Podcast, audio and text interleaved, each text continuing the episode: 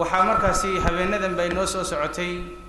Nadwadeennii halkidhigeegu ahaa islaaxu caawa waxaan u fadhinaa muxaadaradii saddexaad oo ciwaankeygu yahay duruus wa cibar fii qisati asxaabi ilkahf asxaabu ilkahf ayay ahaayeen. Qisayse maxaa tahay halkay ka tegeen maxayse uga tegeen su'aalahaas iyo su'aalo markaasi haddaba waxaijaabadeeda inoogu markaasi dayfa fadiilatu sheekh sheekh cilmi ismaaciil moxamed isagiiyo markaasi idinkan idinka dhex gali maayo. Aan ka wada faa'iidsanay insha allahu tacaala. Falyatafadal mashkuura. Qaaluu اtakhada allah walada. لهم به من علم ولا لآبائهم كبرت كلمة تخرج من أفواههم إن يقولون إلا كذبا وأشهد أن لا إله إلا الله وحده لا شريك له وأشهد أن سيدنا محمدا عبده ورسوله وصفيه من خلقه وحبيبه صلى الله عليه وعلى آله وصحبه ومن سلك طريقه وصار على نهجه إلى يوم الدين أما بعد فلا يزال القصص القرآني نهرا متدفقا وبحرا فيها عظة وعبرة وهداية ورحمة وحججا ساطعات وآيات بينات تنطق بصدق هذا الكتاب المبين المنزل من عند رب العالمين على قلب رسوله الأمين liyundira man kaana xayan wayaxiqa alqowlu cala alkaafiriin ikhwaani fillaah qur'aanka kariimka ah waxaa ku jira cibar iyo cidaad aan la tirin karaynin oo aan la koobi karaynin maxaa yeelay waxaa loo soo dejiyey lihidaayati albashar bani aadamka hidaayadiisa iyo hanuunintiisa toosintiisa iyo tusidiisa dariiqa saxda ah ee toosan in la tuso ayaa ilaahay subxaana wa tacaala kutubta u soo dejinayey oo ambiyadiisa uu u soo dirayay. Kitaabka qur'aanka gaar ahaan waxaa cidaadka iyo cibarka ku jira ay aada uga muuqdaan oo ay waadix ku yihiin qisaskiisa. Naxnu naqusu calayka axsana alqisas. Axsana alqisas weeye qur'aanku. Wuxuu ka warramayaa qisaska ugu ugu yaabka badan ee ugu cajiibka badan wuxuu ka warramayaa qisaska ugu runnimada yani run run badan ee sidqiga ee saadiqa ah ayuu qur'aanka kariimkiihi maarkaysaa ka warramaya baynamaa qisaska marka laga warramo ee jiilashu kala dhaxlaan jiilan bacda jiil waxyaabo badan laga bedelo oo wax badan lagu daro oo waxaan ku jirin lagu soo siyaadiyo oo wax ku jiray la ilaawo oo la bedelo qur'aanku wuxuu ka warramayaa kuwii ugu xaqnimada badnaa iyo sidii ugu runta ahayd ee ugu runnimada badnayd ayuu ka warramayaa. Liannahu min ladun xakiimin caliim. Qur'aanku wuxuu ka yimid ilaha xakiimka ee caliimka ee wax walba og subxaanahu wa tacaala xaggiisa ayuu ka yimid. Qisatu asxaabi lkahfi intaynaan ka hadal. Suuratu lkahfi suuradda la ydhaha suuratu lkahfi waxay ka mid tahay suwarka ilaahay subxaana wa tacaala uu ku bilaabay alxamdu lilah ee ilaahay subxaana wa tacaala naftiisa uu ku mahadinayo. Bani aadamkana uu baraya sida ilaahay subxana wa tacaala u mahadin lahaayeen shan suuradood oo alxamdu ka bilaab ka bilaabma oo suuratu lfaatixa ugu horayso suuratu lancaam suuratu lkahfi suuratu saba iyo faatir shantaas suuradoodba waxay ka bilaabmaan alxamdu waa mahadin ilaahay subxana wa tacaala naftiisa uu mahadinayo bani aadamkana la baraya sida ilaahay subxana wa tacaala ugu shukriyi lahaayeen. Waxaana ku jira gaar ahaan suuratulkahfiga waxyaabo yacni maarta waaweyn iyo aayaad cadiima oo waaweyn oo ilaahay subxaana wa tacaala waxdaaniyadiisa iyo waxa la rabo bani aadamka in loo sheego dhaadhicintiisa ay ku jirto. Mar haddii xaqa ilaahay bayaamiyey oo uu dadkii u caddeeyey oo rusul loo soo diray oo kutub loo soo dejiyey oo xaqii uu caddaaday ilaahay wuxuu leeyahay alxamdu lilah yacni wax cudurdaara basharka iyo bani aadamka looma reebin. Waa la dhammeeyey arrintii. Waxa weeye dariiqiina wuu cad yahay. Faman shaaa falyuumin waman shaaa falyakfur. Mar haddii uu xaqu caddaaday oo dariiqii sharka iyo dariiqii khayrka dariiqii toosnaa iyo dariiqii lagu lumayay labadaba la bayaamiyey ninkii doonayaana iimaan ha rumeeyo kii doonayaana dariiqa baatilkaa ha qaada baa ilaahi subxana wa tacaala leeyahay suurat lkahfi waxay ka mid tahay suwarka soo degay qabla alhijra. Qur'aanku qabla alhijra iyo bacda alhijra sida tafsiirka mar walba aynu ka dhegaysanay ee sheekhu marks aynoo soo jeediyo waxa weeye way kala duwan yahay. Mawaadicda uu ka hadlo iyo arrimaha uu isaareeyo ee uu ka ka warramaana way kala duwan yihiin. Maxaa yeelay laba marxaladood oo kala duwan weeye. Qur'aanka qabla alhijra soo degay wa si gaara ayuu u hadlaa waxyaabo gaarana xoogga wuu saaraa oo tarkiiskaa la saaraa. Qur'aanka bacda alhijra soo degayna wuu ka duwan yahay taasi. Su suuraddani waxay ka mid tahay suwarka makiga ah ee qabla alhijra soo degay. Qabla alhijra waxa ugu waadixsan sidaynu qisada arki doona yani xaaladaa lagu jiray waxa ugu waadixsan inaanay mus muslimiintu isdifaaci jirin. Oo aan markasa dhibta loo geysanaya aanay muxuu ahaayeen dagaal iyagu ka jawaabi jirin oo la la faray inay sabraan bal bilowgii dacwadda ilaa saddex sano rasuulku salawaatu ullahi wasalaamu calayhi uu qarinayay diinta. Isaga oo rasuula oo la soo diray oo dadka xaqa ugu yeedhaya ayuu dhuumasho u waday oo la ilaalinayay oo meesha la yskugu imanaya la qarinayay guriga la yskugu imanaya inta muuminiinta rasuulka ay kula kulmaysaa salawaatu ullahi wasalaamu caleyh dhuumanayeen oo aanay meel waadixa oo daahira ayna ku tukanaynin oo aanay qur'aan ku akhriyaynin oo hoos loo waday hoos. Waxay ka mid ahayd yani waxa weeye tarbiya weeye. La tarbiyeynaya dadka muslimiinta. Saddexdaa sane ee markii laga soo laga soo maaragtay muslimiintii wax badan dad badan ay soo islaameenna rasuulka salawaatu ullahi wasalaamu caleyh waxaa la faray. In uu dacwaddii kor u qaado laakiin lama farin in dhibta loo geysta uu ka jawaabo. Oo maaragsa ka wax ku dhifto wax ku dhifto iska celiyo.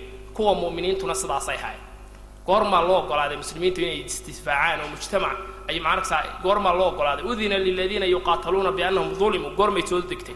Markii muslimiintu saddex iyo toban sano kadib oo ay maka joogeen oo dhibaato lagu hayay oo cadaadis lagu hayay oo ciqaab lagu hayay ay diintooda la soo carareen ee la faray halkan waxa weeye ka wareega la yidhi. Ee ay madiine u hijroodeen ee mujtamac gaara sameeyeen halkaasaa maarkasa maarkasa in muslimiinta la faray marka loo ogolaaday muddo kadib inay isdifaaci karaan oo cadowgeega ay weerari karaan. Marka suuratulkahfi waxay ka hadlaysaa marxaladaa muslimiintu ku jireen ee dhib kastoo loo geysta aanay ka jawaabaynin asxaabulkahfi iyay soo degtay suuraddu. Asxaabulkahfiguna qisadoodu waxay munaasabo weyn la leedahay. Marxaladaa la joogay maxaa yeelay aayaadka wakhtigaa soo degi jiray iyo suwarka wakhtigaa soo degi jiray marxaladaasi bay dadka muslimiinta tilmaamayeen oo ay toosinayeen oo ay duruus siinayeen. Suuradda suuratulkahfi qisatu asxaabi ilkahfi oo keliya kuma jirto. Ilaa afar qiso oo waaweyn baa ku jira. Waxaa ku jirta qisatu asxaabi ilkahfi oo qisada insha allahu caawa aynu wax ka sheegi doono. Waxaa ku jirta qisatu saaxibi iljannatayn ninkii labada beerood lahaa ee nicmada ku jiray ee ilaahay subxana wa tacaala ka kufriyey ee beertiisii dabadeedna ilaahay subxana wa tacaala tirtiray uu ka qaaday. Waxaa ku jirta qiso weyn iyaduna nebiyullaahi muusa iyo khadir addoonkii ilaahay halkaa uu kula kulmay ayaa maarkasa ku jirta. Waxaa ku jirta meligii boqorkii saalix ahaa ee dulqarnayn ee ilaahay mulkii waasica uu siiyey ayaa ku jirta. Intuba culimmadu waxay yidhaahdeen ahdaaf iyo aqraad iyo ujeeddooyin loo keenay oo ilaahay uga warramayo oo ay bayaaminayaan ayaa jira. Maalan qisatu asxaabi ilkahfi waxay ka hadlaysaa qofka diintiisa marka lagu fitneeyo. Diintiisa marka lagu fitneeyo ee diintii la doono in laga fitneeyo ee la doono diin dariiqii saxda ahay in laga laga maarata la garamariyo oo laga halleeyo taasay ka warramaysaa. Waa fitnatu diin. Baynamaa ay ka warramayso fitnatu maarasa saaxib iljannatayn uu ka hadlayo maalka iyo sida loogu fidnoobo maalka fidnadiisa muusa iyo khadir waxay ka warramaysaa cilmiga iyo maarkasa qofku inuu cilmiga ilaahay u celiyo. Waayo qisadaasi nebiyullaahi muusa waxaa la weydiiyey yaa dhulka dadka jooga maanta ugu cilmi badan. Markaasuu yidhi aniga arrintii baa lagu qabsado ilaahay waxyoodo lagu yidhi addoon addoommahayga ka mid ah kaa cilmi badan. Markaasuu yidhi yaa rabbi ii sheeg halkuu joogo aan ka soo faa'idaystay. Sidaasuu nebiyullaahi muuse khadir uu ula kulmay oo uu ku lahaa sidii arday wanaagsan yacni maarkasa may baraysaa uu ku lahaa uu si fiican ula hadlayay oo adab leh maarkasa uu cilmiga inuu uga qaato uu rabay oo uu lahaa waa sabri doonaa. Waayahay qisada dulqarnayn iyaduna waxay yidhahdeen culummadu fitnatu sulta iyo mulkiga iyo imaarada iyo madaxnimada imtixaankeega ayaa iyadana halkaasi maarkasa laga qaadanaya. In iyaguna ay fitno leeyahay madaxnimadu fitno leedahay ay ay tahayna qofku inuu inuu inuu ku toosnaado oo ilaahi subxana wa tacaala uu ku garto oo waxani aanu maarkasa wax weyn ama aanu hallaynin oo aanu ku kibrin. Calaa kulli xaal qisaska afartii waa qisas cajiiba oo mid walba maqsaaha iyo maarkasa ahdaafaha wadata. Qisadeenna caawa aynu ka warramaynaa waxa weeye qisatu asxaabi lkahfi asxaabu lkahfi qisada waxay culimmadu wariyaan oo ibnu isxaaq iyo warinaya siduu ibnu kathiir ka soo naqilayo waxa weeye waxa jiray qoladii qureysheed ee mushrikiinta ahayd ee rasuulka salawaatu ullahi wasalaamu calayh iyo diinta uu wadaba ka hor jeeday ayaa waxay direen laba nin. Annadr ibnu xaarith iyo cuqba ibnu abi mucayd laba nin oo loodhan jiray nadr ibnu xaarith iyo cuqba ibnu abi mucayd. Labada nin waxa loo diray culummadii yahuudda waxa loo diray culummadii yahuudda ayaa loo diray. Ursila ilaa axbaari yahuud. Culummadii yahuuddaa loo diray.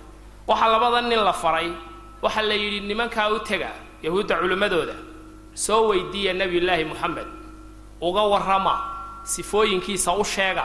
Waxa uu dadka uga warramo u sheega iyagaa ahlu kitaaba. Nimankaasi waa ahlu kitaab yahuudiihi dabadeedna cilmi waxay kolley cilmi bay nagu dhaamaan oo kutubtii hore waxa ay ka dhaxleen. Waxa weeye nimankaa u tegoo nebiyullaahi moxamed iyagu nebi markaa uma haystaane. Waxa weeye nebiyullaahi moxamed soo weydiiya warkiisa soo waraysta oo ninka waxaynu ka yeelana soo weydiiya waa yahay waxa ay markaa yidhaahdeen labadii nin way tegeen madiinay tegeen waxay la kulmeen nimankii yahuudda ahaa ayay culimmadoodii la kulmeen. Moxamed bay salawaatu ullahi wasalaamu caleyh uga warrameen. Waxa uu arrintiisu tahay iyo waxyaabaha uu ku hadla iyo ayay uga sheekeeyeen.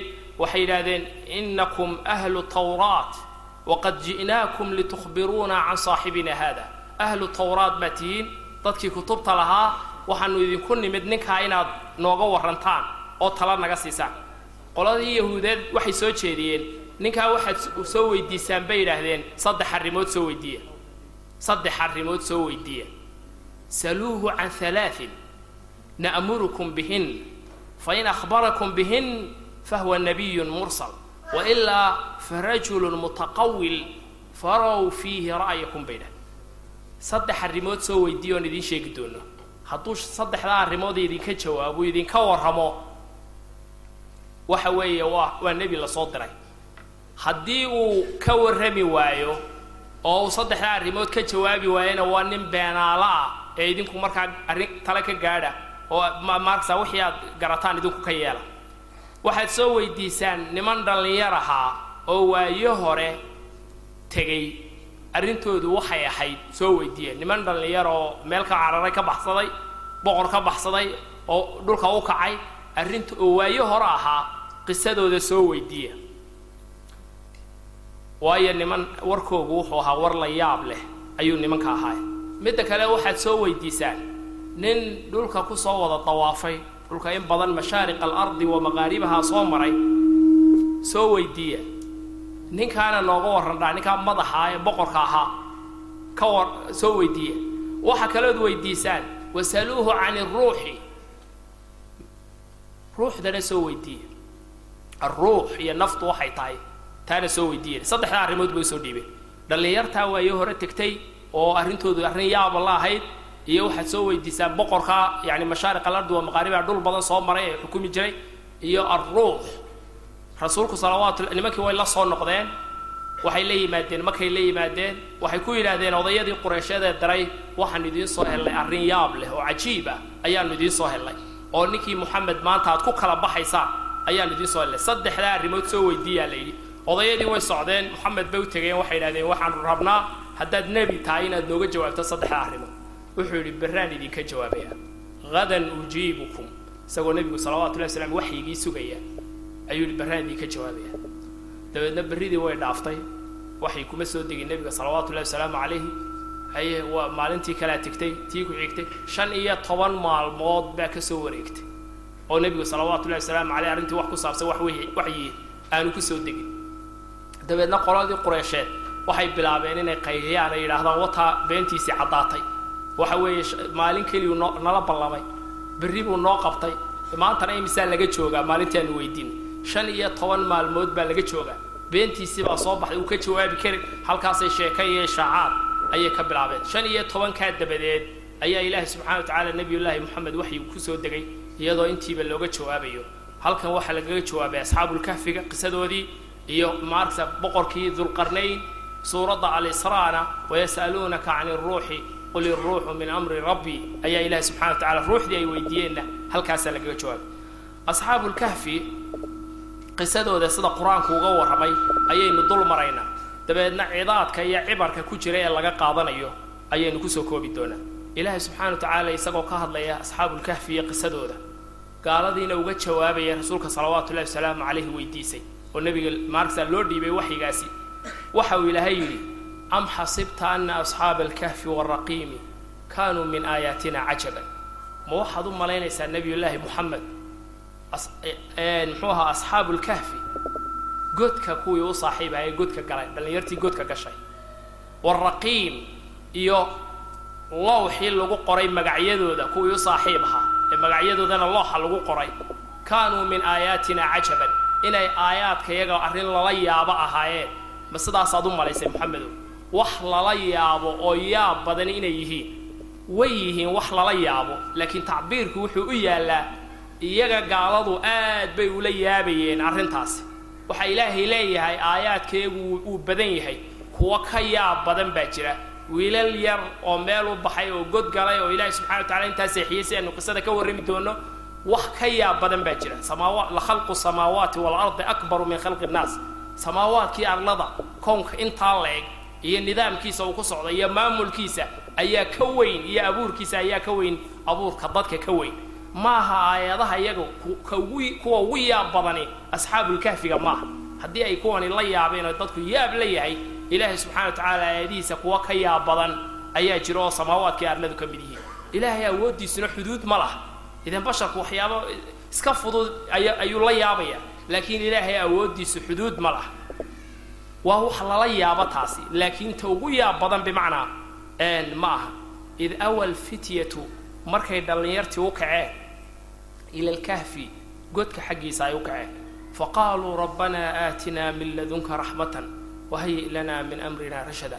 Ee ay ilaahay baryeen ilaahay baryeen qisada waxaa la idhaa waxa weeye nimankan dhallinyartii waxay ku noolaayeen mujtamac waxa weeye mushriga oo gaalnimo ku jira oo sanamyada caabuda oo ilaahay subxana wa tacaala u shariig yeelay ayay ku dhex noolaayeen. Waxa dhacday mujtamacaasi wuxuu lahaa oo xukumayay nin madaxa oo daalima oo dadka ku qasbaya inay sanamyada caabudaan waxay lahaayeen maalin ciida sida mufasiriintu ka warrameen oo ay iskugu yimaadaan oo asnaamtaa ma aragta si gaara loo caabudo oo xoole loo gowgowraco loo qalo oo la iskugu yimaado ixtifaala ayay lahaayeen. Dabeedna nimankan dhallinyartaa waxaa la yidhi markay u fiirsadeen ee ay arkeen ee arrintii ka fikireen waxa ay dadkoogu caabudayaan. Asnaamta iyagu gacantooda ay ku sameeyeen ee qoryaha iyo laga sameeyey looxaanta iyo waxyaabo kale ay ka sameeyeen ee iyagu ay sameeyeen ee wax alla waxay maqlayaan iyo waxay arkayaan aani jirin ee qoomkoogu caabudayay dee dadka mararka qaarkood qof caqli le oo garaad lo waxa ku jiri karaa waxaan lagu jira ee caadaadka ee dadku ku dhaqmayaan u fiirsada inuu sax yahay iyo inuu khalad yahay. Nin ka mida ayaa baxay oo wuxuu iska fadhiistay meel intuu dadkii ka dhex baxay. Sanamyada caabudaya oo xugga u gowracayay halkaa inuu isla dhacayay ayuu dhinacaa fadhiistu geed iska hoos fadhiistay meel dadka ka fog. Ku kale oo isaguna arrintaa diidayna isaguna gaar buu baxay oo kii kale u tegay. Dhammaantood intoodaa dhallinyartii meel keliya iskugu yimaadeen. Waxay mufasiriintu yidhaahdeen dhallinyartani waxay ahaayeen badankoogu yacni ashraafu lqowm wasaadat lqowm baa dhalay. Dadka ashraaftoodii madaxdoodii odayadii u talinayay kuwii maalqabeennada ahaa carruurtoodii weeyey halkaasay iskugu yimaadeen. Bacdulculamaa waxay leeyihiin xataa ismay garanayn. Mid waliba waxaan lagu jiray iyo xaaladdan lagu jiray intuu karhay oo uu nacay oo sax la noqon weyday ayuu keligii gaar ugu baxay dabeedna ku kaloo halkaa keligii iska jooga ayuu yimiday mid baa arrintii bilaabay ka mid a raggii wuxuu yidhi waxaan u malaynayaa inaynu isku wada mid nahay inteenan oo aynu wax u wada wax soo wada diidnay marka waa la kala baqayaa oo maadaama yani maaragta waxaani diinta saa'idka ee meesha ka jirta ee sanam caabudku boqorkuna uu aada ugu adag yahay cidina kama hor iman karto ma ma caddayn karta inay waxaan diidan tahay. Nin baa caddaysto oo yidhi anigu waxay soo saaray waxaad tolkeen caabudayo ayaan ayaan maaragta geli waayey oo caqligel noqon waayey arrintaasaan diiday taasaan ka soo baxay. Kuwii kalena waxay yidhahdeen aniguna sidaasay soo saartay. Dabeedna halkaasay isku mid ka noqdeen culimmadu waxay yidhahdeen jamacahum alladii jamaca alladii jamaca quluubahum cala aliimaan. Waxa isku keenay dhallinyarta iyagoo aan isgaranaynin ilaahay quluubtooda yani maaragta iimaanka ku geliyey ee ku kulmiyey ayaa isku keenay. Halkiibay iskugu yimaadeen way iswaraysteen waxay ogaadeen inay meel wada socdaan inaa sanamyada diidan yihiin ilaaha subxaana wa tacaala khaaliqa ah ee samaawaadkii arlada abuuray keliya ay maaragtaa ogol yihiin ilaahnimadiisa sanamyadana ay ka soo horjeedaan dabadeedna arrintii waxay nimankii xidhiidh gaara yeesheen sida qisasku ka warramayaan qur'aanku wuu soo koobayaa sida caadada qur'aanka ah tafaasiisha dheer wuu soo koobayaa laakiin qisaska oo ahlul kitaabka iyo ay ku jiraan baa ka warramaya. Waxa weeye waxa dhacday nimankii waxay samaysteen inay isku yimaadaan inay meel ay ku cibaadaystaan oo ilaaha khaaliqee keliga ay ku caabudaan oo diintii saxdii ay u noqdaan. Sanamyadan dadka lagu qasbaya asnaamtana ay ka fogaadaan ay samaystaan. Dabeedna xaaladoodii arrinta way way kashafantay waa la ogaaday dad baa ogaaday ninkii madaxa ahaa baa loo sheegay. Waxaa la yidhi wuu yeedhay. Wuxuu yidhi waxaan maqlay inaad maaragta diidantihiin asnaamtaan caabudno iyo ilaahyadayada badan ee aan caabudno dabeedna halkaasi sida aayaadku inooga warrami doonaan halkaasi bay tawxiidkii ka qireen way istaageen waxay yidhaahdeen rabbunaa rabbu samaawaati walard ilaaha samaawaadkii arlada abuuray. Kaasaa rabbiga iyaga kaasaa ilaah iyaga lan nadcuwa min duunihi ilaahan ilaah kaloon caabudaynaa ma jiro. Laqad qulnaa idan shatatan haddaynu ilaah kala caabudno haddaanu ilaah kala caabudno waxaanu ku hadalnay hadal fog oo xaqa ka fog baanu ku hadalnay waxa weeyaan halkaasay boqorka hortiisii dhallinyartii tawxiidkii ka qireen aad buu ula yaabay baa la yidhi odaygii dabeedna wuxuu yidhi niman dhallinyaraa tiinoo daaya maanta idinku degdegi maayo. Fursad baan idin siinayaa. Noqda ka soo fikira waxaad leedihiin. Ka soo fikira. Dabadeedna waan idiin yeedhi doonaa. Maalintaasaan go'aan gaadhayaa buuhi haddaad haddaad bedeli weydaan waxa aad ku hadlaysaan maalintaasaan go'aan idinka gaadhi doonaa buuhi laakiin maanta idinku degdegi maayo iska tegi buuhi wakti baan idin siinayaa maadaama niman da-yaraa tihiin inaad arrintaa ka soo fikirtaan dabeedna waktigii ilaahay wuxuu uga dhigay wakti ay ku baxsadaan oo diintoodii la baxsadaan oo ay ku cararaan. Fursad buu siiyey ay kaga cararaan. Dabeedna waa kuwaasi maaragsa godka isballansaday ee halkaa ka socday ee maaragsa godka galay. Godkaa ay galeen ee maaragsa ay galeenna ilaahay subxana wa tacaala iyagoo ku kalsoon oo ilaahay baryaya oo ilaahay isku xidhaaya maaragsa ay galeen. Halkaana ilaahay subxana wa tacaala uu seexiyey oo hurdow quluubtoodii maaragsa ku riday sida aayaadku inooga warramaya marka ilaahay subxana wa tacaala wuxuu yidhi nimankaa dhallinyartii markii ay godka galeen ee ilaahay baryeen rabbanaa aatinaa min ladunka raxmatan ilaahu agtaada naxariis naga sii. Wahayi lanaa min amrina rashadan taladayadana toosni ilaahu na sii. Toosni taladayada tu toosan ilaahu ka dhig. Waxaa ilaahay yidhi fadarabnaa calaa aadaanihim fi lkahfi siniina cadadan dhegahooga ayaan xijaab saaray. Intaa macnaheegu waxa weeye waan seexinay anamnaahum waanu seexinay weeye. Laakiin culimmadu waxay yidhahdeen tacbiirka darabnaa calaa aadaanihim ta laga cabiray waxa weeye macno weyn baa ku jira macno weyn ayaa ku jira. Waxay dhahen dheguhu qofku markuu seexanayo xubinta ugu dambaysae seexata weeye horta. Dhegtu qofku marka horeysaba indhuhu isku qabanaya dhaqdhaqaaqa iyo jirhkiisa ayuu joojinayaa hurdu isku diyaarinaya laakiin weli wuu soo jeedaa waxaa laga yaabaa dadka ka dul sheekaynaya inuu maqlo. Maxaa yeeley dhegtiibaa weli soo jeeda dhegtiibaa soo jeeda. Laakiin markay dhegtu seexato ee waxaa dushaada ka dadka maaragsa laga leeyahay iyo dadka kugu dul sheekaysanaya aad maqli weydo markaasi hurdadii ugu dambaysa qofku ku jira. Laakiin weli haddana qofka isagoo hurda dareen baa ku jira isagoo hurda. Dareen buu leeyahay haddii uu gaajoodo waxa weeye ama uu haraado uusoo uu toosaya oo hurdada uu ka toosaya gaajadaasi way toosinaysaa haddii ay kaadi qabato uu toosaya oo kaadidaa toosinaysa dareenkaana ilaahay subxaana wa tacaala uu ka qaaday. Hurdo weyn baa la saaray. Waktiga socda oo jidhka bedelaya oo xataa haddaad hurdo yani jidhkaagu uu shaqaynaya wadnahaagu uu shaqaynaya oo jidhkaagi shaqaynaya. Dabeedna waa waad weynaanaysaa oo haddii laga soo qaaday inaad maaragsa shan sano huruddo dee shanta sano cimrigiina uu kugu biirayaa waad isbedelaysaa haddii aad toban sano huruddana waxa weeye waa kale waad isbedelaysaa qofkii waxa weeye waxa laga joojiyey timekii waqtigii baa laga joojiyey oo ilaahi subxana wa taala sidii ay ku seexdeen ayuu ku haynayaa. Oo aanay toosaynin oo aanay gaajo iyo haraad aanay u toosaynin oo maaragsa muxuu ahaa wax kaloo toosinaya kaadiya waxay u kacayaani jirin. Berrika maalin markay soo toosaanna waxay soo toosi doonaan iyagoo sidoodii ah iyagoo sidoodii ah oo aanay isbedelin ayay soo toosi doonaan. Waayahay waxa ilaahi subxaana wa tacaala yidhi uma bacanaahum dabadeedna waanu soo bixinay. Uma bacanaahum waanu soo saaray. Nimankii linaclama si aan u ogaano ayulxisbayni labada xisbi koogii axsaa koobay limaa labisuu amadan inta ay nagaadeen. Hadhow bay isku qabsan doonaan labadoodu markay soo toosaan kooxdaasi iyay laba u qaybsami doonaan oo ay ka wada hadli doonaan intii ay meesha ku jireen. Ilaahay wuxuu leeyahay naxnu naqusu calayka naba'ahum bilxaq warkoogii oo dhab annagaa kaaga warramayn. Innahum fityatun waxay ahaayeen dhallinyar. Aamanuu birabbihim rabbigood rumeeyey. Wasidnaahum hudan oon hanuunu siyaadinay. Warabadnaa calaa quluubihim quluubtoodana aan adkaynay. Id qaamuu markii ay kaceen faqaaluu yidhaahdeen rabbunaa rabbu samaawaati waalardi rabbigayo samaawaadkii arlada ka abuuray weeye. Lan nadcuwa min duunihi ilaahan. Ilaahay hayrkii caabudi mayno ilaahay hayrkii wax kale waxaan ilaahay ahayn caabudi mayno. Laqad qulnaa waxaan nidhi idan haddaa shatatan qowl fog oo xaqa ka fog ayaanu nidhi haa-ulaa'i qowmuna ittakhaduu min duunihi aaliha. Markaasay ka warramayaanay leeyihiin kuwani waa qowmkeennii waxay samaysteen ilaahiyo. Aan ilaahay ilaahay ahayn ilaahyo kale oo asnaama ayay samaysteen. Lowlaa ya'tuuna calayhim bisulطaanin bayin xujo cad miyay keenaan oo ay u keeneen ilaahyada waxay ku caabudayaan maxay sameeyeen ilaahyadani maxay taraan? Maxay yeeli karaan? Cidda maaragsa ka hor timaada wax alla waxay yeeli karaan ma jiraan ilaahay subxaana wa tacaala sidaasuu uga warramay. Iyagiibaa isla hadlaya oo odhanaya markaad maaragsa ka dhex baxdaan. Qoomkanaad ka dhex baxdaan. Godkaa aynu galno. Ilaahay subxana wa tacaala wuxuu ina siinaya naxariistiisa.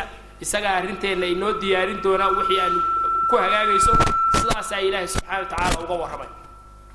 Waxaa ilaahay ka warramay aayaadkii uu dhallinyartaa siiyey markii ay godka tegeen. Waxaa ilaahay yidhi watara shamsa idaa طalaca tasaawaru can kahfihim data alyamiin waidaa garabat taqriduhum data shimaal wahum fii fajwatin minhu. Dalika min aayaati illah cadceeddu godka ay galeen nimankaasi waxay kaga sugnaayeen meel waasica ayay kaga sugnaayeen oo hawadu soo gaadhayso oo cadceeddu yani maaragtay shucaaceegu wax ka soo gaadhayo laakiin marka ay soo baxdo waxay ka leexanaysa xagga midigta ayay uga leexanaysa cadceeddu marka ay dhacaysana xagga shimaalka ayay maaragsa iy iyay ka qabanaysay. Culimmadu waxay yidhahdeen godkaa markay tilmaamayaan wuxuu u jeeday koonfur ama waqooyi buu ujeeday marka cadceeddu ay soo baxdo midigta godka ayay ka qabanaysaa. Marka xagga xaggaasay ka qabanaysaa. Marka ay muxuu ahaayeen dhacaysana waxay ka qabanaysaa dhinaca shimaalka ayay ka qabanaysaa macnaa dalika waxa weeye cadceeddu si toosa nimankaasi uguma dhacaynin. Culimmada qaarkood waxay dhaheen maba gaadhaynin cadceeddu godka. Kuwa qaarkoodna waxay dhaheen maya shucaacooga ka mid a ayaa godka dhinaca ka qabanayay laakiin ilaahay subxana wa tacaala iyaga waa uu ka ilaaliyey. Si aanay cadceeddaasi wax dhiba aanay ugu geysan. Wahum fii fajwatin minhu buu ilaahay leeyay meel waasicana way kaga sugnaayeen dalika min aayaati illaah waa aayaadka ilaahay culimmada qaarkood waxay leeyahy arrintani ma ahaba arrin godka yani inuu ka ilaalinayay oo labada dhinac labada jiha u jeeday oo aanu beri u jeedin maxaa yeele hadduu beri u jeedo cadceeddu markay soo baxday ku dhacaysaa galbeed hadduu ujeedana markay dhacaysay ku dhacaysaa laakiin labada jiha ee kale midkood uu u jeeday waxay culimmadu leeyihiin ma waa mucjisaba ilaahay subxana wa tacaala si yani aayad ah ayaa ilaahay uga qabtay cadceedda oo aanay iftiinkeegu uba soo gaadhaynin ilaahay subxaana wa tacaala waxa uu ka warramay in la moodayay nimankaasi inay soo jeedaan. Haddii la arki lahaa oo qof arki lahaa waxa la moodayay inay soo jeedaan. Maxaa yeelay bay culummadu indhahoogu way indhahay kala hayeen nimankaas. Waanay hurdaan hurdada noocaasa ee camiiqa ee fog ee aanay ka soo kacaynin ee aanay waxba dareemaynin wa maca dalika indhahoogu waxay ahayd mid kuwa furan. Kaanad acyunuhu maftuuxa.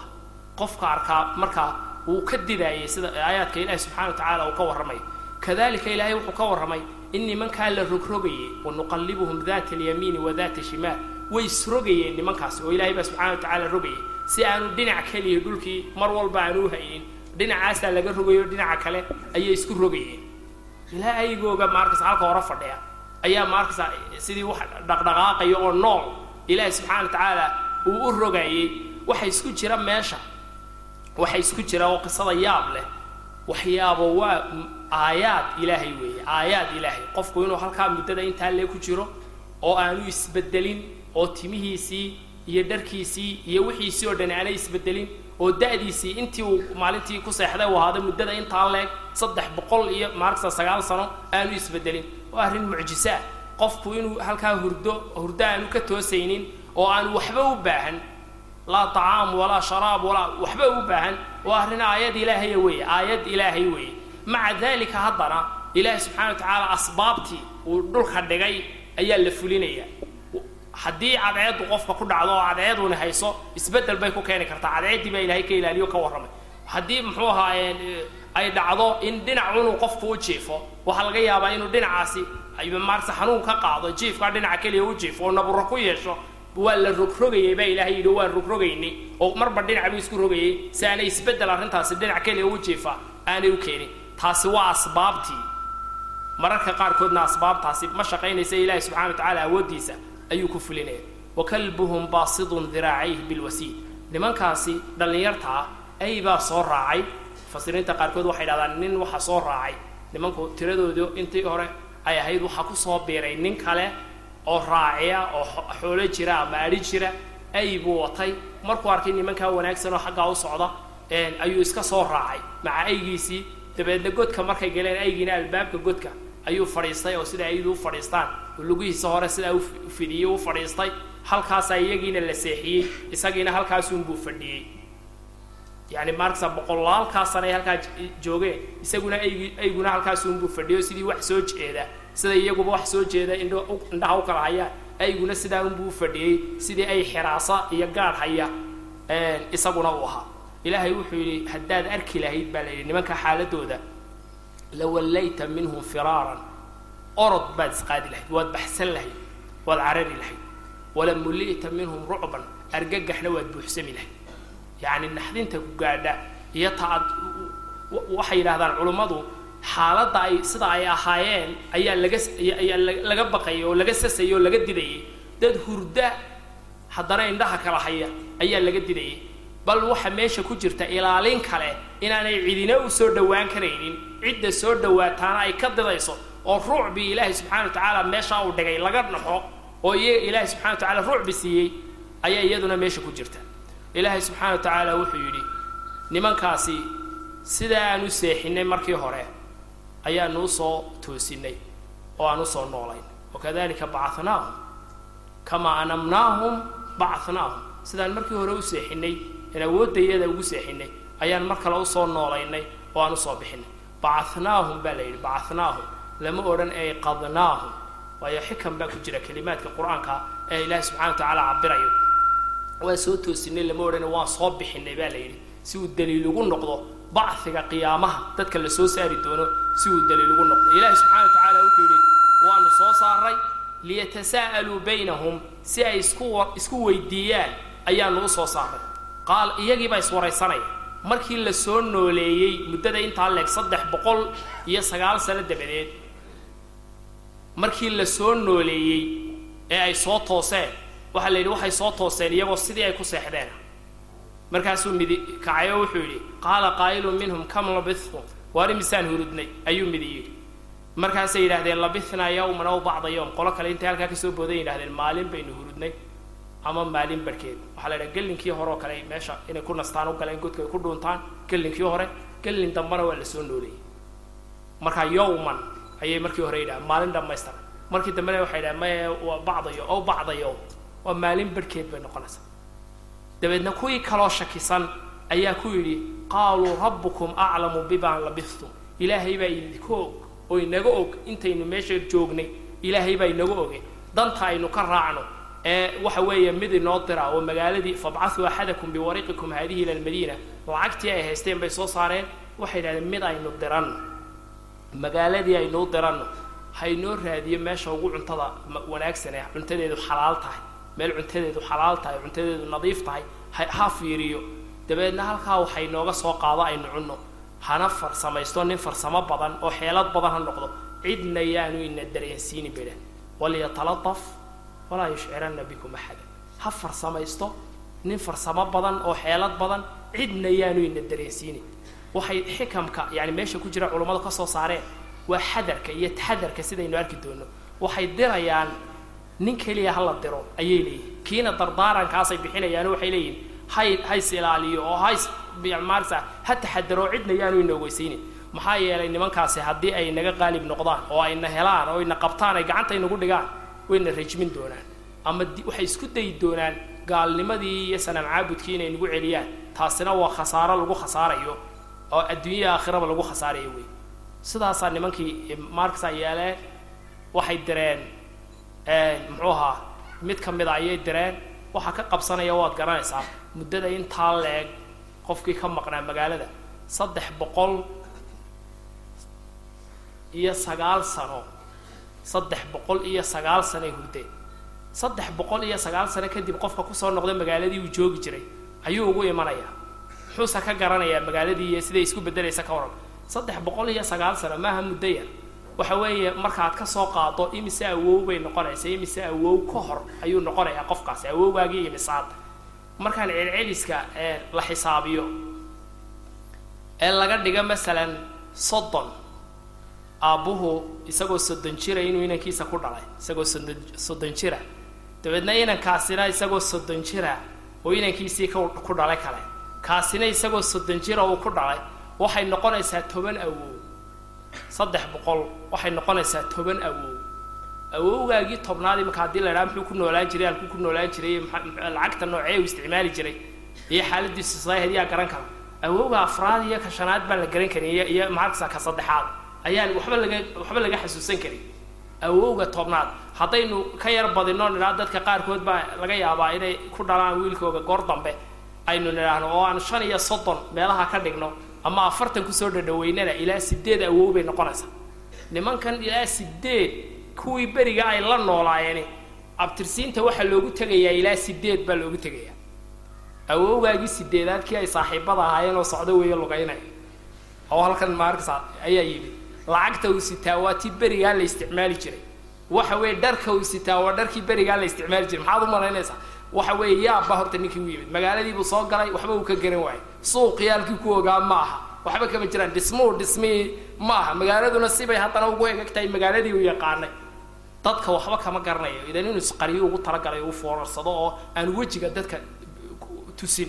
Oo aanu si toosa qofka u eegina sidaa isku yar qariyo hoos u foorarsado dadka maba garanayaba muxuu iska qarinaya dadka wejiga dadka ka soo horbaxaya qofna kama garanayo. Dabeedna isagoo yaaban wuxuu is yidhi ninkii waxaa la yidhi wuxuu yidhi malaha waad waalantahay mise wuxuu yidhi waad riyoonaysaa yaa shalay ninkii ka tegay magaalada hadduu ku soo noqday iyadoo tiiba aan ahayn ka hor oo dadkuba isagiiba isla yaabaya. Magaalada tumi maayo wuxuu sanonayaa adigaa malaha wax kugu jiraa. Wuxuu yidhi malaha waad riyoonaysaa oo qofkan lugaynayaba matiida waad huridaa mise waad waalan tahay aakhirkiis isagoo yaaban ayuu dukaan galay lacagtiibuu soo saaray wuxuu yidhi waxaa iga iibiya lacagtiibuu ninkii sidaa u eegay uu la yaabay ninkiibuu sidaa u eegay iyo labiska uu sito iyo dharka uu sito. Waxay ku noqotay arrin qariiba. Lacagtii bay isku dhiidhiibeen dadkii meesha joogay kuwii kale u dhiibi yihi waxani waa maxay? Lacagtani maxay ahayd? Kii kalena wuxuu yihi tani maxay ahayd? Yaa waa la garan waayey. Markaasuu yihi maxaad ka hadlaysaa?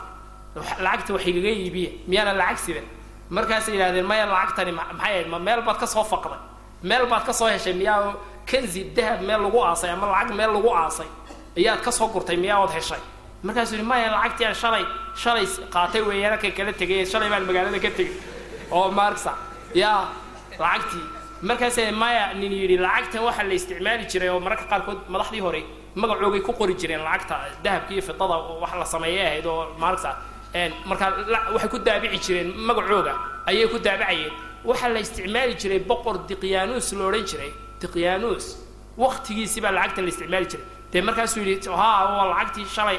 Halkan miyaanay ahayn oo diqyaanus miyaanu noolayn. Miyaanu meesha madax ka hayn markaasaa la yidhi kaasi waa hor u dhintay. Waxaa lagu yidhi waad waalan tahay. Shalay baan ka tegoo diqyaanuus baan ka cararnay oo diinta diinta kala cararnay oo waxaa nin waalan baa taa lagu yidhi nin waalan baa tahay. Waa la kaxeeyey. Waa la iskugu yimid.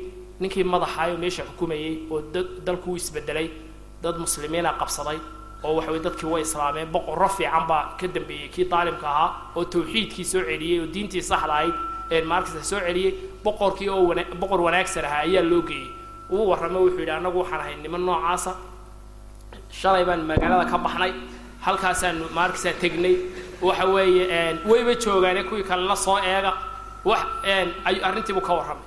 Nimankiina waa la xasuustay oo taariikhda waa la hayaa niman dhallinyaro oo maarkasa boqorkii ka baxsaday nooca ahaan jiray. Waxbaa sheekada qaarkood dadku ay ka sii hayaan. Halkiibaa la raacay oo godkii la tegey nimankiibaa loogu tegey boqorkiibaa aada u soo dhaweeyey kuwa qaarkood waxay dhahdaan taariikha waxay warinayaan in hortood ay intaanay kuwani gaadhin ee boqorkiiyo dadkii magaaladu aanay meeshii tegin. Ilaahay sii dilay kuwii ay sii dhintaan.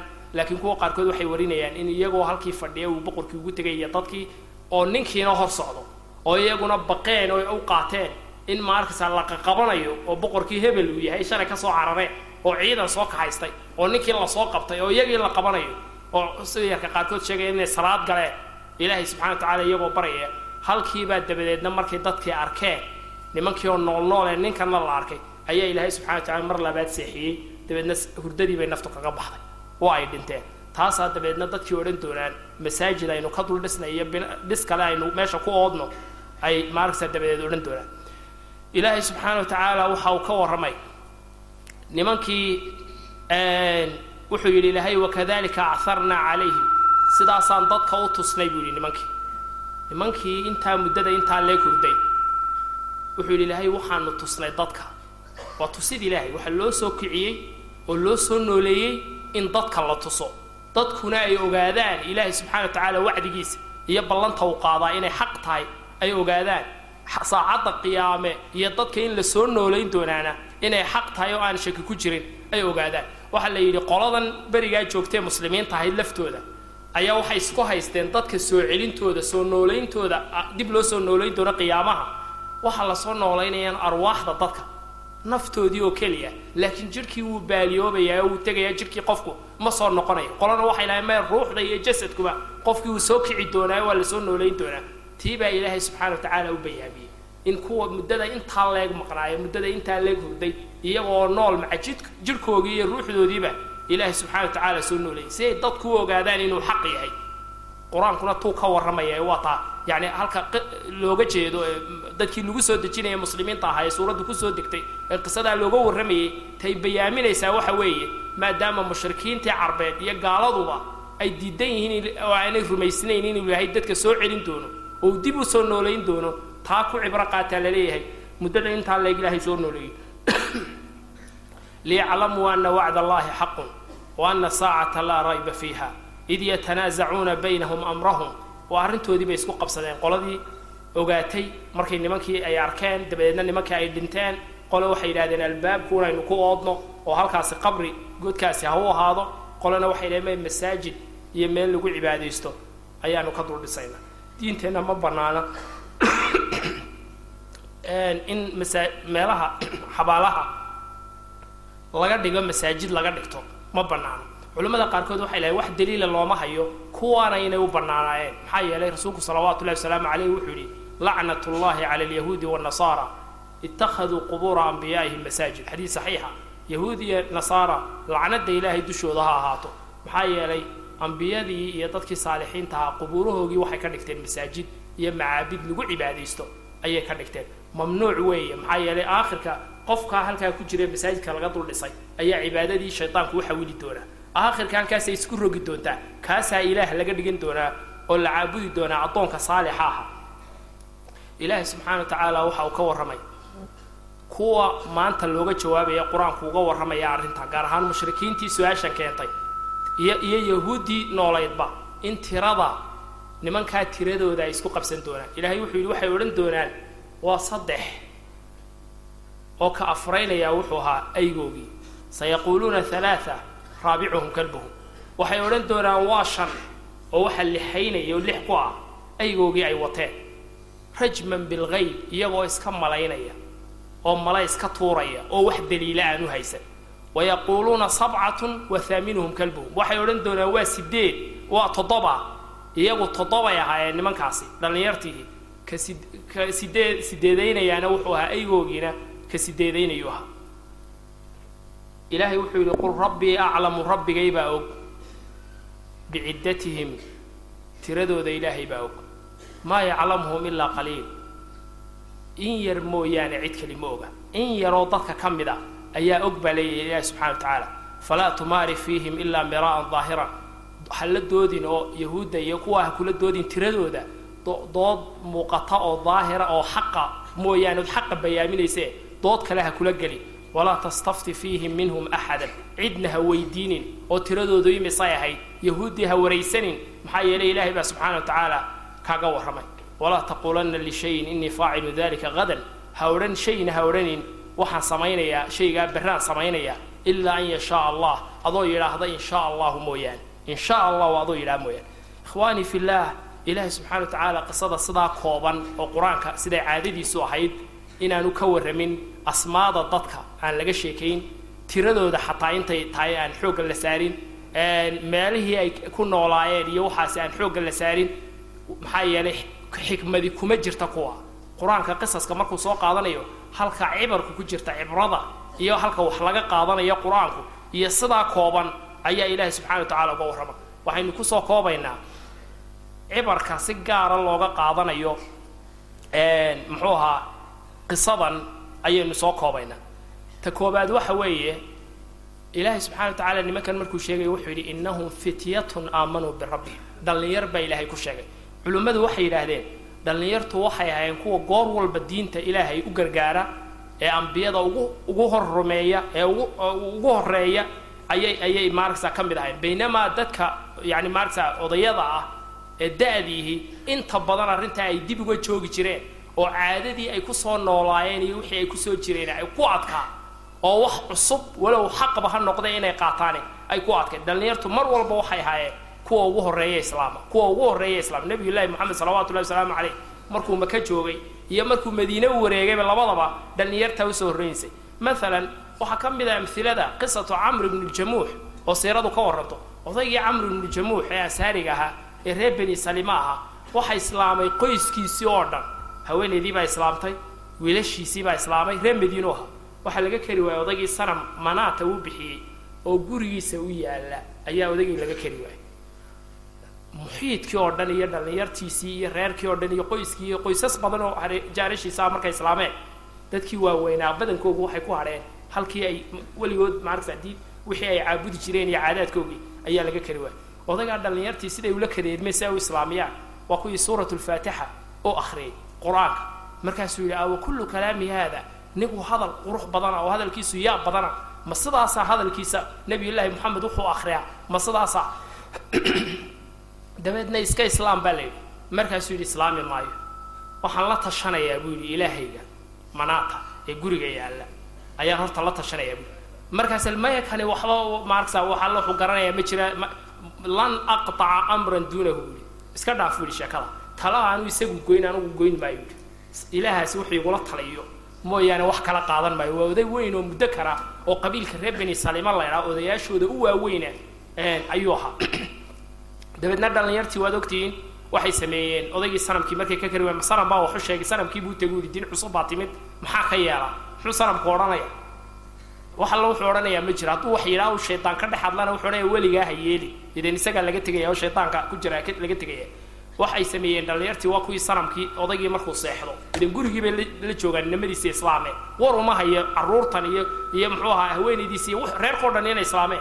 Markii uu sidaa maarkasa sameeyey waa kuwii dhallinyartu mar alle markuu seexdo sanamkii ka qaadi jiray ee meelaha ku soo tuuray. Aroortuu raadiyaa uu yidha yaa ilaahaygii qaaday. Dabeedna maalintii dambe haddana ku celiyey markii ugu dambaysa odaygii intuu ka daalay ayuu yidhi anigu ilaaho waxa waxaan kugu samaynaya ma garanayo. Adigana waa ta sidan lagu galay. Seef buu soo qaaday wuxuu wataa seeftaydii. Halkaa hayso dee iska celi buu yidhi cidda ku soo doonata cidda ku soo doonatay iska celi. Maalintii dambe seeftii ka dulqaadeen masanan baa wax ka qabanaya seeftii bay ka dulqaadeen isagii bay qaadeen. Waxay soo heleen meel qashinahoo reerku qashinkao dhan ku shubi jiray. Oo weliba ay baktiyeen meelaha ka dhow yahay. Soo heleen isagii aygii baktiyey bay isku xidheen. Qashinkiibay bartanka u dhigeen. Aroortiibuu soo toosay. Halkiibuu sanamkii soo marasiiyey oo waxna soo weydiiy oo soo soo u soo maaragta soo caabud. Dabeedna seeftii oo meesha iska taalliya sanamkii oo ka maqan. Uu soo raadiyey. Qashinkiibuu u tegey. Bahalkii oo ay baktiyey dusha laga saaray yaa ayuu ugu tegay oo qashinkii sidaa ugu dhex jira meel kaadida iyo wax walba lagu shubi jiray sidaa ugu dhex jira. Waa kii gabay dheer tiriyey ee uu ka mid ahaa wallaahi low kunta ilaahan lam takun anta wa kalbun wasta bi'rin fii qaran. Wallaahi haddaad ilaah tahay adiga iyo ay baktiyey ceel qashina oo gidaafada bartankiisa iskuma xidhnaatee dee aygaasunbaad iska furi lahayd buy wax kale haddaad qaban weydood wax iska celin weydo odaygii halkiibuu ka soo noqday oo uu maarkaysaa dhallinyartii u yimid oo islaamkii loo bandhigay oo uu maarkaysaa islaamnimadiisiina wanaagsanaatay taasi waxay kutusaysaa dadku waxay ku weynaadaan ee muddo ku raagaan siday uga sidaa uga tanaasulaan adag tahay. Laakiin ragga dhallinyartu waxa weeye waxay ahaayeen kuwa ugu horreeya ee diinta maarkaysaa timaada iyo xaqa maarkaysaa raaca ayay ahaayeen. Waxyaabaha ikhwaani laga qaadanaya qisadan waxaa ka mid ah. Qofku xaqa inuu sheego oo uu la jahlo maxaa yeelay dhallinyartani markii ay hortegeen ninkii boqorka ahaa waxay yidhaahdeen rabbunaa rabu samaawaati walard lan nadcuwa min duunihi ilaaha. Shirkigii bay diideen tawxiidka ilaahay bay qireen ilaahayna subxana wa tacaala qalbigooga wuu adkeeyey oo maarkasa wuu sugay. Marka qofku inuu xaqa sheego oo xaqa la jahro oo aanu xaqa ka gabanin waxa weeye waxyaabaha laga qaadanayo laga faa'idaysanayo ayay ka mid tahay.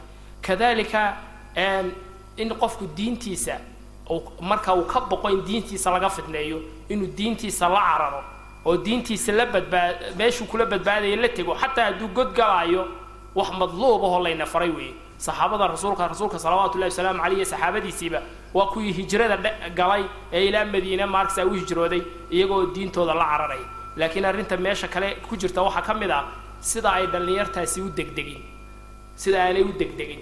Maxaa yeelay dhallinyartani markii ay tawxiidka ilaahay qireen tawxiidka ilahay waxaa la ydhaha dhallinyartani waxay ahaayeen calaa diini ciisa bni maryam nebi illaahi ciisa diintiisii bay ku sugnaayeen oo masiixiyiin bay ahaayeen way ka horreeyeenna waa la ydhaha oo maarkasa nebiyullaahi muusa oo nebiyullahi ciisa ka horreeyey ayay rumaysneen wa calaa kullin nimankaa dhallinyartiihi markii uu boqorkaasi cadaabis ku sameeyey ee uu u hanjabay ee qoomkooguna waxay ku jiraan iyo shirkiga iyo kufriga ay ku jiraan ay diideen.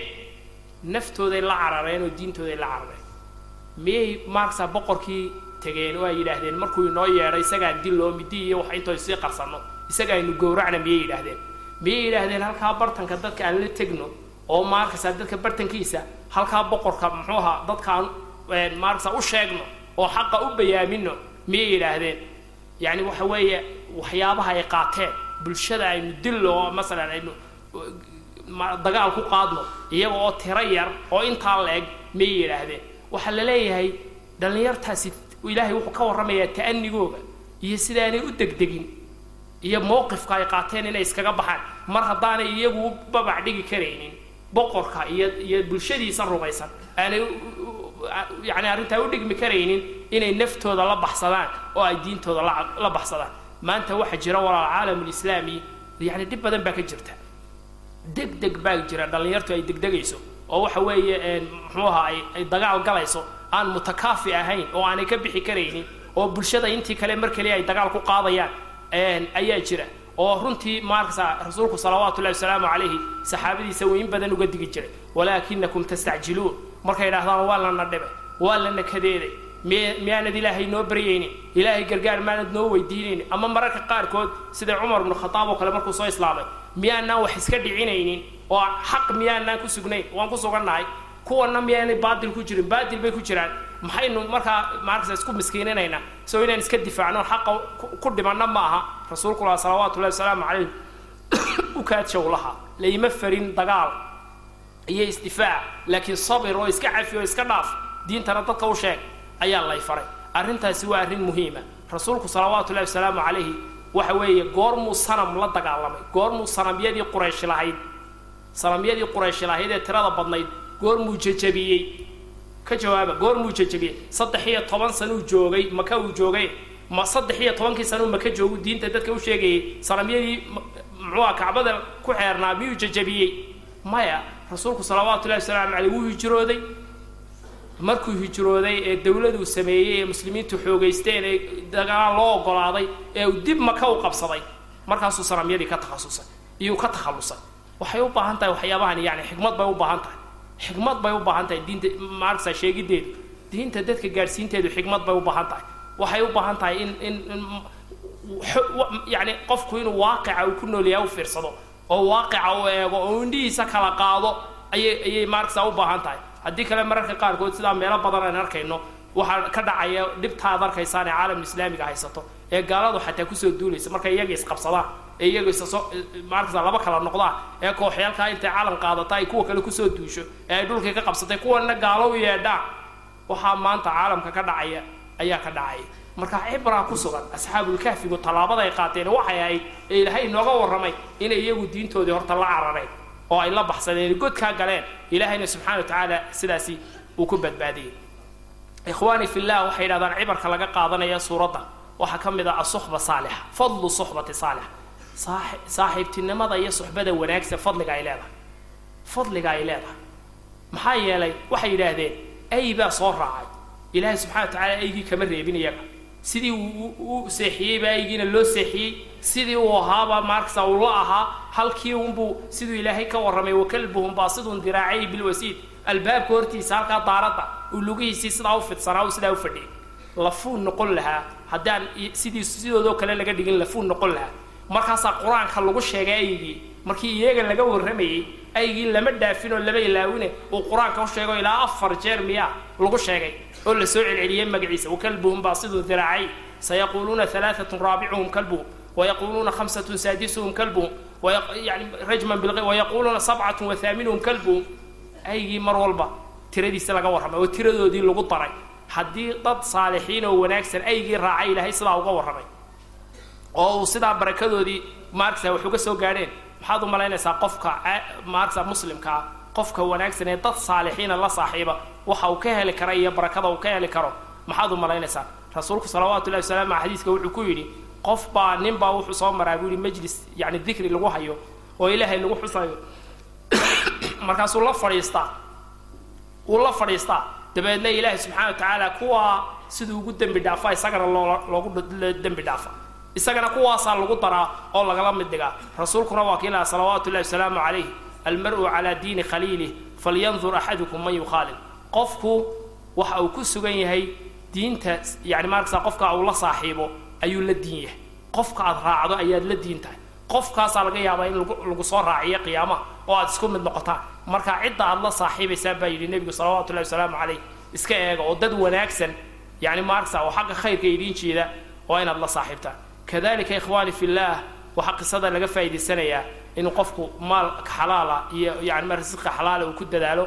Yani waxay lahaayeen nimankani falyatikum birisqi minhu walyataladaf wuxuu ka warramayey falyandur ayuha askaa طacaama ka cuntada wanaagsan ee cuntadiisu xalaasha tahay haynoo soo eega bay lahaayeen. Ninkaynu diraynaa cunto fiican oo xalaala haynoo raadiyo. Marka qofku inuu xalaasha raadsado oo xaaraanta ka fogaado waxa weeye waxyaabaha laga qaadanayo ayay ka mid tahay muddada ay ku nagaadeen nimankani meesha ilaahay subxana wa tacaala wuxuu ku sheegay walabithuu fii kahfihim alaaa miatin siniina wasdaaduu tiscan saddex boqol oo sanay godkaa ku jireen buui sagaal sanana way ku darsadeen. Haddii laga wada dhigo shahriga qamariga ee bisha ama shahrulcarabi la idhaahdo waxay noqonaysaa sagaal bosaddex saddex boqol iyo sagaal sano. Laakiin culummada qaarkood waxay yidhahdeen ibnu kathiir iyo rag badan ka mid yihiin wasdaaduu tiscanta ishaaro qofkii fahmayu inuu fahmayaa ku jirta. Waxaa la yidhi godkooga waxay ku nagaadeen saddex boqol oo sano. Markaasaa waxaa la raaciyey wasdaaduu tiscan saddex boqol iyo lama odhan saddex boqol iyo iyo sagaal sano lama odhan. Saddex boqol oo sanay ku nagaadeen baa layidhi sagaalna way ku biirsadeen baa ilahay sagaalna way ku biirsadeen. Culimmadu waxay yidhaahdeen saddexda boqol waxa weeye haddii laga dhigo bisha maarksa ee bilaha shamsiga ah ee cadceedda la socda sayrul shams la socda haddii laga dhiga sida january iyo february waxay noqonaysaa saddex boqol oo sano ayay ku nagaadeen haddii bilaha qamarigaa laga dhigo oo la tiriyo qamariga muxaram iyo safar iyo rabiicul awal iyo la tiriyo dayaxa ku xidhan waxay noqonaysaa saddex boqol iyo sagaal sano. Maxaa yeelay labada sano farqibaa udhexeeya sanadka qamarigaa iyo sanadka shamsigaa farqi baa udhexeeya sanadka shamsigii waxa weeye saddex boqol shan iyo lixdan iyo rubcu yowm weeye. Saddex boqol iyo shan iyo lixdan maalmood iyo lix saacadood weeye. Sanadka january february marka la tiriyo. Rubcu yowm baa la dhaha maalin rubuceed weeye. Afartii sano ayuu buuxsamaa rubucaasi afar rubuc marka laysku daro mid buu soo baxaya. Afartii sano mar buu buuxsamaayo bisha february bisha labaad yaa sagaal iyo labaatan laga dhigaa inta kalena waa sideed iyo labaatan. Afartii sanoba mar bay sagaal iyo labaatan noqotaa maalintaasi waxay u qaybsan tahay afarta sano. Waa mid lix saacadood. Lix saacadood baa sanad kasta la socota afartii sanoay noqonaysaa maalin dhamaystiran oo afar iyo labaatan saaca carabiguna waxa weeye saddex boqol. Sanadka carabigu maalmihiisu waa saddex boqol afar iyo konton iyo thuluth meelahaasi weliba wax dheer wey sideed saacadood ama sagaal saacadood oo wax yar la ayaa la socota saddex boqol iyo afar iyo konton iyo sagaal thuluth oo kale weeye saddexdii sanaba mar bay noqonaysaa maarkasa halkay afar iyo konton ka ahayd shan iyo konton noqonaysa calaa kulli xaal farqiga labada udhexeeya waa koob iyo toban ama toban muxuu ahaa iyo jarjar adu koob iyo toban wax yar dhiman ayaa udhexeeya waxa dhiman bisha carabiga koob iyo toban sano wax ku dhow ka yar ta kale ee maarkasa shamsiga. Koobi saddexda boqol ee sano boqolkii sanaba waxaa ka soo baxaya saddex sano saayida boqolkii sanaba saddex sanaa ka soo baxaysa. Saddexda boqol bisaa ka soo baxaya marka? Sagaal sano. Wasdaadu tiscan waxa weeye hadday qamari lagu tiriyo waxay noqonaysaa saddex boqol iyo sagaal sano. Haddii shamsi lagu tiriyana saddex boqol bay iyay ku joogsanaysaa waa arrin yani cajiiba oo qur'aanku siduu u sheegay aad culimmada qaarkood baa yani ka soo kala soo baxa waxyaabo badan kala soo baxa waxaa ka mid a waxyaabaha ay kala soo baxeen. Tiradooda masalan nimankan marka laga hadlayo ama ama tirada intaan ugelin saddex boqol iyo sagaalkan saddex boqol iyo sagaalkan sano ayaa culimmada qaarkood waxay yidhaahdeen suuradda qisada markay bilaabantay am xasibta ana asxaab alkahfi halkay ka bilaabantay. Marka kelmadaheega la soo tiriyo am waa kelmad xasibta waa la isku daraya waa ficiliya faacile kelmadunbaa intaa wada socoto laga dhigaya anna waa kelmad kale asxaab alkahfi am xasibta ana asxaab alkahfi waraqiimi kaanuu min aayaatina cajaban cajabantaasi waxay noqonaysaa kelmadii tobnaad markaynu halkaa ka soo tirina qisada ilaa marka la soo gaadho walabithuu fii kahfihim halaaa miati siniina halaaa mia halaaada marka la soo gaadho waxay noqonaysaa saddex boqol iyo sagaal kelmadood imisay ahayn intay meesha ku jireen saddex boqol iyo sagaal sano. Am xasibtabaa kelmadaha laga soo tirinaya. Walabithuu fii kahfihim halaaada marka la soo gaadho halaaadaasi waxay noqonaysaa saddex boqol iyo sagaal kelmadood ayay noqonaysaa. Waa waxyaaba yacni dad tiriyewne ay kala soo baxeen. Markaa muddada ay ku nagaadeeni noocaasay ahayd ilaahayna subxaana wa tacaala mucjisaadkaa uu ka daahiriyey waa weyn oo uu ka daahiriyey ee cadceedda sidaa looga ilaalinayay ee la moodaya markasa inay soo jeedeen ilaahay subxana wa tacaala uu ka warramay. Kadalika tiradooda marka laga warramaya imisay ahaayeen asxaabulkahfigu tiradoodu imisay ahaayeen. Waxay culimmadu yidhaahdaan waxay ahaayeen toddobo. Toddobay ahaayeen ayagooguna uu sideedaynayay maxaa yeelay waxay yidhaahdeen ilaahay subxana wa tacala wuxu yihi waxay odhan doonaan kuwan maanta qur'aanku ku soo degaya waxay odhan doonaan. Markay arrintaa ka hadlayaan iyo yahuudda nooli saddex bay ahaayeen ayguna uu afraynayay. Shan bay ahaayeen ayguna uu lixaynayay toddobay ahaayeen ayguna uu sideedanayay mar kasta tiradu waa witri. Waa saddex. Tiradooda raggaasi dhallinyartaas saddex bay ahaayeen. Aygu markaa afar buu ka dhigaya saddex bay ahaayeen. Ama shan bay ahaayeen. Ag afartii baa laga boodaya. Tiradu waa witri. Shan bay ahaayeen. Ama toddobay ahaayeen. Waxay leeyihiin saddex bay ahaayeen. Ama shan bay ahaayeen. Ama toddobay ahaayeen. Soo tiradii watridii maaha waxaa laga boodayaa afartii afar may ahaynoo lama sheegin. Shantii waxaa laga boodayaa lixdii lixna lama sheegin. Saddex shan toddoba wey mar kasta aygii baa lagu darayaa oo saddexdii misuu ka dhigaya? Afar. Raabicuhum kalbuhum. Markay shan iyaga laga dhigana aygii misuu ka dhigaya? Sita. Saadisuhum kalbuhum. Marka sabca laga dhigay iyagana aygii misuu ka dhigaya? Wa kalbuhum. Imise weeye tiradoodu toddoba inay yihiinba yaa raajix. Toddoba ay culimmadu yidhahdeen. Waayo labada hore ilaahay wuxuu raaciyey rajman bilgayb waa danni ay iska tuurayaan iyo mala ayna waxba ka ogeyn laakiin markii la yidhi wayaquuluuna sabcatun wa haaminuhum kalbuhum. Iyaga lama raacin rajman bilgayb rajman bilgeyb lama raacin. Waxay kutusaysaa taasi inay inay sideedaad. Oo iyagu toddoba ahaayeen ayguna sideedaynay. Qolo kalea iyaguna waxay u fiirsadeen ay yidhahdeen tiradaa toddobadaa waxaa lagala soo bixi karaa. Halka uu leeyahay qaala qaa'ilun minhum kam labistum qaaluu labithnaa yawman aw bacda yawmin. Qaaluu rabbukum aclamu bima labistum halkaasaynu toddoba qof ka soo saaraynaa bidhe see looga soo saarayaa qaala qaa'ilun minhum mid baa wuxuu yidhi imisaan meesha ku nagaanay oo aanu meeshan joognay. Kaasi soo mid ma ah kow dhakaa. Qolaa u jawaabto waxay yidhahdeen labithnaa yawman labithnaa jamacaasi waa imisa ugu yaraa halkaana saddex dhe qoladii u jawaabtay waa tidhi labithnaa yawman oo bacda yowm maalin ama maalin barhkeed baanu joognay. Halkaasina waa saddex. Qaaluu rabbukum aclamu bima labistum qolo kalaa soo kacday oo iyagu aan hubin oo arrinta ka shakisan waxay yidhahdeen rabbigiin baa og intaad nagaateen. Markaa ninkii ugu horreeyey uu kaco wuxuu war imisaynu meesha joognay qolaa kacdoo tidhi waxaanu joognay maalin ama maalin barhkeed qoladaas way gooyeen. Nin qolo kalaa soo kacdoo tidhi ilaahay baa inaga og. Markaa kii u horreeyey nin buu ahaa qolada kale labithnaa markay yidhahdeen ugu yaraan waa saddex. Halkaas waa saddex. Qoladii kalena waxay yidhahdeen qaaluu rabbukum aclam. Iyaguna ugu yaraan waa saddex. Laba saddex iyo meel isku gee. Waa imisa? Toddoba. Aygii un ku sideeday wathaaminuhum kalbuhum. Cabdillahi ibnu cabaas baa waxaa laga wariyey ana min min aladiina min alqaliili aladiina istahnaahum allahu inuu yidhi. Yani maa yaclamuhum ilaa qaliil. In yar baa tiradooda garanaysu ilahay yidhi tiradooda in yar baa garanaysa intaa yare ilaahay soo reebaan ho waa sid toddobay ahaayeen buu yidhi ayguna wuu sideedaynayay ikhwaani fillaah waxaa kaloo yani maaragta waxyaabaha laga qaadanayo ee waadixa halkaa ka mid ah taxadarka alxadar oo waxyaabaha yani dhalinyarteena maanta runtii aada uga maqan dadka wanaagsan ee maarata shabaabka toosan aada uga maqan. Dig waxa aayadda ka muuqato qisada ka muuqata digtooni badan ayaa ka muuqata. Oo ilaahay le yani ilaahay ka warramayo oo ay leeyihiin midkiin aan diro fabcathuu axadakum. Maxay laba u diri waayeen labadu dadka yani in la dareemo oo la ogaado ayaa maarkasa xoog noqonaysa. Haddii laba la diro waxa yani badanaysa in waxay u dhawaanaysaa in la iktishaafo oo nimankii la ogaado.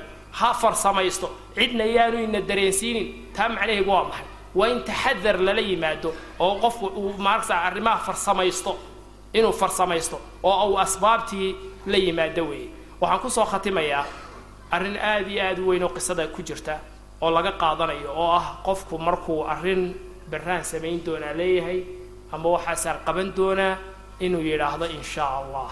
Waayo rasuulkeenna salawaatu ullahi wasalaamu calayhi ayaa arrintaa lagu canaantay. Walaa taquulanna lishayin inii faacilun dalika gadan ilaa an yashaa allah. Rasuulku salawaatu ullahi wasalaamu caleyh markii la weydiiyey wuxuu yidhi barraan idinka jawaabin buuri imisay qaadatay berridii in shaa allahna ma odhan baa layidhi rasuulku in shaa allah ma odhan. Dabeedna waxay qaadatay shan iyo toban maalmood ugu yaraan. Ayaa ayuu jawaabtii soo waayay oo waxyigii ka joogsaday oo loo arrintii ilaahay subxana wa tacala uga soo jawaabay. Darsi bay yani maarkasa la baraya oo dadka muslimiinta la baraya. Waxaa lagu yidhi rasuulka berraan samaynaya waxaa ha odhanin adoon odhan in shaa allah haddii ilaahay yidhaahdo saasaan yeeli doonaa waayo ma ogid waxaa berri dhici doona iyo adigu laftaadu inaad berri gaari doonto ma ogid qiso kale oo saxiixeynka ku jirta bukhaari iyo muslim. Oo cajiiba. Ayaa jiro abu hurayra uu warinaya xadiiska. Nabiyullaahi sulaymaan ibnu daawuud ayaa wuxuu yidhi maalin maalmaha ka mida wuxuu yihi laatuufanna leylata calaa sabciina imra'atan wa fii riwaayatin calaa mia talidu kullu imra'atin minhuna ghulaaman yuqaatilu fii sabiili illah wuxuu yidhi caawa waxaan soo marayaa buu yidhi haweenkaygii toddobaatan haweenkayga ah ama boqol dumarkayga ah ayaan caawa soo marayaa buu yidhi. Caawa soo maraya. Waxay dhali doonaan buu yidhi toddobaatankaasi riwaayada qaarkoodna boqol bay ka dhigaysa waxay dhali doonaan mid waliba wiil bay dhali doontaa buu yidhi. Ilaahay dartii u dagaalama oo jihaadka gala ayay dhali doontaa. Sidaasaan caawa yeelayaa buu yidhi. Markaasaa malag baa ku yidhi baa la idhaha in shaa allah dheh ayuu ku yidhi. In shaa allah laakiin ma odhan nabiyullaahi sulaymaan waa la iloosiiyo arrintaasi ma odhan falam yaqul fataafa bihina toddobaatankii ama boqolkii dumarkiisa ahaa ayuu soo maray falam yalid minhuna ilaa imra'atun waaxida mid keliyaa ulaysatay dumarkii toddobaatankii ulaa toddobaatan wiil ama boqolkii ulaa boqol wiil haweeney keliyaa ulaysatay tiina waxay dhashay nisfa insaan qof badh ah ayay dhashay wiil badha oo badh maqan yahay yaa oo nisfi ah ayay tiina dhashay maxay kutusaysaa qisadaasi inaanu qofku idan awooddii isagu ma hayo xataa hadduu nebi yahay inuu yidhaahdo insha allahu waxaasaa samayn doonaa hadday tahay oo waxaasay u dhici doontaa haddii ilaahay doono oo uu mashii'ada ilaahay ku xidho. Rasuulku wuxuu yidhi salawaatu llahi wasalam markuu xadiiska ka warramayay waladii nafsii biyadihi buu yidhi low qaala in shaa allah lam yaxnad buu yidhi. Ilaahay baan ku dhaartay hadduu insha allah odhan lahaa sidaasay ugu fuli lahayd buu yidhi. Idan dhaar buu ku maray wuxuu yidhi wallaahi caawa saasaan yeelaya oo mid waliba wiil bay dhegi doontaa ilahay dhaar buu ku maray dhaartiina markii dambe way socon weyday wax alla wax ka hirgelay ma jiro rasuulku wuxuu yihi dhaartiisaas way u hirgeli lahayd hadduu odhan lahaa in shaa allah wa kaana darakan lixaajatii xaajadiisana wuu gaari lahaa buuhi xaajadii uu doonayeyna waa uu gaari lahaa. Marka halkaana darsi baa ku jira weyn oo ah qofku inuunan ka tegin muslimkii inuu yidhaahdo in sha allahu ka tegin. Ikhwaani fillah qisadu waa qiso cajiib badan xikan badan baa ku jira. Waxa weeye kollay si maaragsa deg dega kollay ayaan maaragsa u sheegay qisadu waxa weeye qof iga fasaaxad badan hadduu sheegi lahaa intaasi way ka weyn tahay way ka macaan tahay way ka macno badan tahay tacbiirka iyo ilaahay siduu u dhigay waa mid la yaab leh. Laakiin waxaan isku dayay anigu intii karaankayga inaan maaragta wuxuun ka taataabto aad iyo aad ayaad u mahadsantihiin. Waqtigana waan aad baan u dheeraynay. Intaana inaad cafisaan insha allahu tacaala ayaan idinka rajaynayaa. Waxa weeye waxaan ku soo koobayaa qur'aankeennu wuxuu inooga baahan yahay tadabbur sida ilaahayna faray inaan fiirfiirino oo aan u fiirsanno oo qisaskiisa la akriyo oo cibar iyo cidaad laga qaato. Laqad kaana fii qasasihim cibratun liuli lalbaab baa ilahay leeyahy qasaska ambiyada waxaa ku jira cibar ciddii garaad leh wax ku qaadasho ayaa ku jira. Waa taariikh hore oo qur'aanku si runa uga warramayo oo inta la rabo uu ka warramayo iyo meelaha waadixa qur'aanku uu bayaaminayo intaasaan ku soo koobi lahaa wsala allahu wasalam calaa sayidina muxamedin wacala aalihi wasaxbihi ajmaciin jaza allahu sheekha cilmi. Qisadaa markaasi cibrada ay ku sugan tahay fara badan. Waxaan markaasi ugu dari lahayn saa-il baa wuxuu leeyahay sheekh maxaad ugu nastay xeel markaasi dhalinyarta markaasi tahriibaya ee iyagu cararaya. Bismi illahi raxmaan raxiim waxaan u malaynayaa waqti su'aala inaanan runta inaanan joogin. Laakiin waxa weeye qisada aynu ka warramaynay iyo tahriibku ama taharubka iyo huruubku inay calaaqa leeyihiin baad moodaa. Nimankaynu ka warramaynay ma ahayn niman adduunya u cararay. Waxay ahaayeen niman ilaahay diintiisa maaragsa raacay oo ilaahay rumeeyey subxaana wa tacaala oo diinta diintoodana la baxsanayey. Niman diintoodana la baxsanayay oo la cararayay ayay ahaayeen. Marka diinteennu waxayna faraysaa halka diinta qofku aanu ku guudan karayn diintiisa cibaadadiisa aanu ku gudan karayn lagaga fidnaynayo inuu ka tego oo meesha cibaadadiisu ay maaragsa ugu hagaagayso uu u hijroodo laakiin adduunyo darteed in loo cararo oo maaragsa dhul gaalo loo tego diinteennu inama farayso. Iyaga waxaa ka sokaysa xataa dhulka gaalada iyo waxaasoo dhan waxaa ka sokeeya halaaga la maraya in wada ognahay iyo dhibaatooyinka la marayo iyo dadka naftoodii ku waayey. Marka arrintaasi waxa weeye waa la wada ogyahay tahriibku dhallinyartu waa inay aad iyo aad uga digtoonaadaan maxaad u malaynaysaan qofka isagoo meelu ku socda aan la garanayn oo dhul gaalo ku socda oo wuxuu hijroonaya aanay jirin. Waxa weeye qofka badkiisii halkaa maaragsa ku helo maxaad u malaynaysaa? Ee badaha ku qarqooma ee saxaraha maaragsa haraadka iyo gaajada ku disho muxuu u cararayey nimankaasi maanta markay halkaa cararaya hadday gaaja disho ama bahala ku cunaan niman diintoodii la cararayay oo la baxsanayay bay ahaayeen. Dabeedna dariiq toosan niman ku jooga ayay ahaayeen. Arrintaa tahriibku waxa weeyaan dhibaatadeeda waa la wada ogyahay dhallinyarta runtii arrintaasi uma muuqato. Waxaa u muuqdaa adduunye iyo qof badbaaday oo meelaha tegay oo maaragsa ama guri yar soo dhistay ama yaa u muuqda. Inta ha u muuqato dhibaatooyinka la maraya iyo inta naftooda ku waayaysaa maaragsa dadka waa inay u muuqato.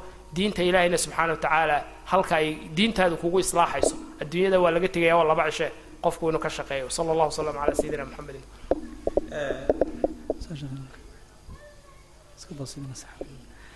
su'aasha kale waxay leedahay markaasi sheekh maxaa ka jira markaasi jacaylka loo yaqaano guurka ka horreeya